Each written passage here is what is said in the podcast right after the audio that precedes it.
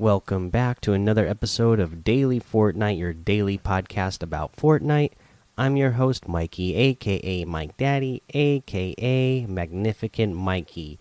Not a whole lot of news today, but this does relate to uh, the challenges that we have this week. It says that the crane at Rickety Rig may be gone, but don't worry if you haven't completed its week three challenge. For players who haven't done the challenge, it will be replaced with a new one to complete. So we'll keep you updated whenever that happens. So, you know, you needed to go collect metal, or no, sorry, you needed to go dance on top of the crane at Rickety Rig for one of the challenges uh, last week. If you didn't already have that done, it has gone away uh, for the, the the the crane is gone uh, through the map updates. So uh, I guess they're just going to replace it. I guess if they knew that that thing was going to go away, I don't know why they made it a challenge in the first place and they just didn't make it something else. But okay, uh, so that's that's what's going to happen. They're just going to replace it with a new one. I guess if they knew that was a mistake they made, they could have just auto completed that one for everyone else as well who hadn't completed it yet. But that's what they're doing. So, other than that, you know, not a lot of news. And, you know, the rest of the challenges are pretty straightforward. You know, the collect 200 metal from Rickety Rig uh, is this week's challenge. Just go land at the Rickety Rig location and harvest 200 metal. Uh, search ammo boxes at Steamy Stacks 7. Uh, again, pretty straightforward. You could head over to Team Rumble and get that one done really easily in that. Or you know what? In any game mode, really, you can get that challenge done pretty easily because I've been finding not a lot of people have been landing at Steamy Stacks this season. At least in the lobbies I've been playing in, I haven't seen a lot of people going to Steamy Stacks when I've been going there. Um, and I think we've pretty much covered. You know, the eliminations at Holly Hedges three. Again, that's pretty straightforward uh, as well. So search seven chests at Salty Springs again straightforward so i think yeah we've pretty much covered everything this week if anything else pops up or if they you know finally replace that other challenge we'll we'll update it here. But for now let's go ahead and uh, take a break it's Kaley Cuoco for Priceline. Ready to go to your happy place for a happy price? Well, why didn't you say so? Just download the Priceline app right now and save up to 60% on hotels. So, whether it's Cousin Kevin's Kazoo concert in Kansas City, go Kevin, or Becky's Bachelorette Bash in Bermuda, you never have to miss a trip ever again. So, download the Priceline app today. Your savings are waiting. Go to your happy place for a happy price. Go to your happy price, Priceline.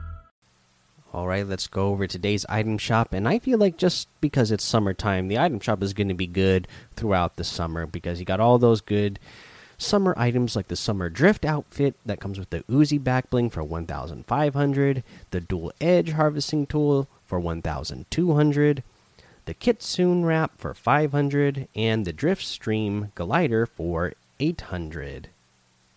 You have that heist outfit with the tiny totem back bling for 1200. We have the double agent pack for 2500 in here still, the shadow pickaxe pack for 1200, and we have a new outfit, the safari outfit. Conquer Conqueror of the Untamed, part of the Wildest West set it comes with the gunny sack back bling, locked and loaded with goodies. Uh, and this character, she, uh, like I said here, Wildest West. She kind of looks like uh, Wild West themed. Uh, selectable style here as well. You got the default and hat off version as well. Pretty decent outfit. Uh, this is 1,200. We have the uh, flail blades harvesting tool as well. Sometimes you got a bash, sometimes you got a slice. Also part of the new or part of this Wildest West set for 500 V bucks. Pretty cool. Couple of you know flail blades on there. They got a, a couple of um, mace on the bottom of each of one of them, so looks pretty cool. Pretty cool looking harvesting tool. In fact, uh, we have the uh, Mecha Team Leader outfit that comes with the Jet Set back bling and the built-in turbocharged emote for 1,600. The Combo Cleavers harvesting tool for 800. The Mecha Team Wrap for 500.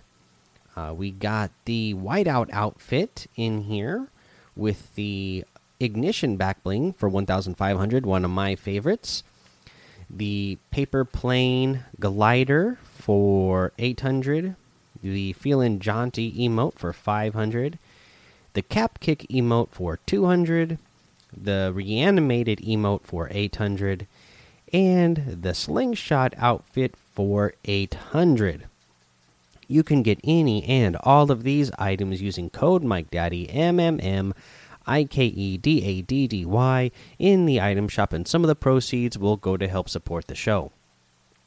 Now, uh, for this tip of the day, you know, the water has still been going down, and even though some things aren't fully out of the water, there are things that you can access, like reboot vans that are still underwater. If you can, if you can stand above a reboot van and you're playing, you know, duos or squads or trios with your friends, uh, you can get above the reboot van and uh you know i'm thinking of the one that's over at what you call it craggy cliffs. You know it's it's uh, the water's low enough that you can actually interact with a reboot van there and reboot your friends there. Also uh, things like slurp trucks or slurp tanks uh, you know even though they're underwater you can still destroy the slurp trucks and slurp uh, different slurp tanks that will uh, grant you the 100 uh, health. So, uh, you know, be aware of those types of things as you are. You know, again, like I said, you got to be checking out places throughout this entire season, kind of adjusting your landing spots throughout the season as the things change. And you know, if you find a you know some good items like the slurp trucks or slurp tanks that are underwater, but you can actually still reach them and, and take advantage of that, then uh, that is something that you should uh, be doing and taking note of uh, when you are picking a landing spot and uh, you know picking why you want that landing spot because you'll know you that place has a easy access to shield.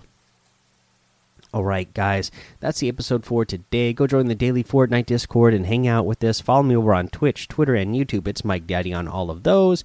Head over to Apple Podcasts, leave a five star rating and a written review for a shout out on the show. Make sure you subscribe so you don't miss an episode. And until next time, have fun, be safe, and don't get lost in the storm.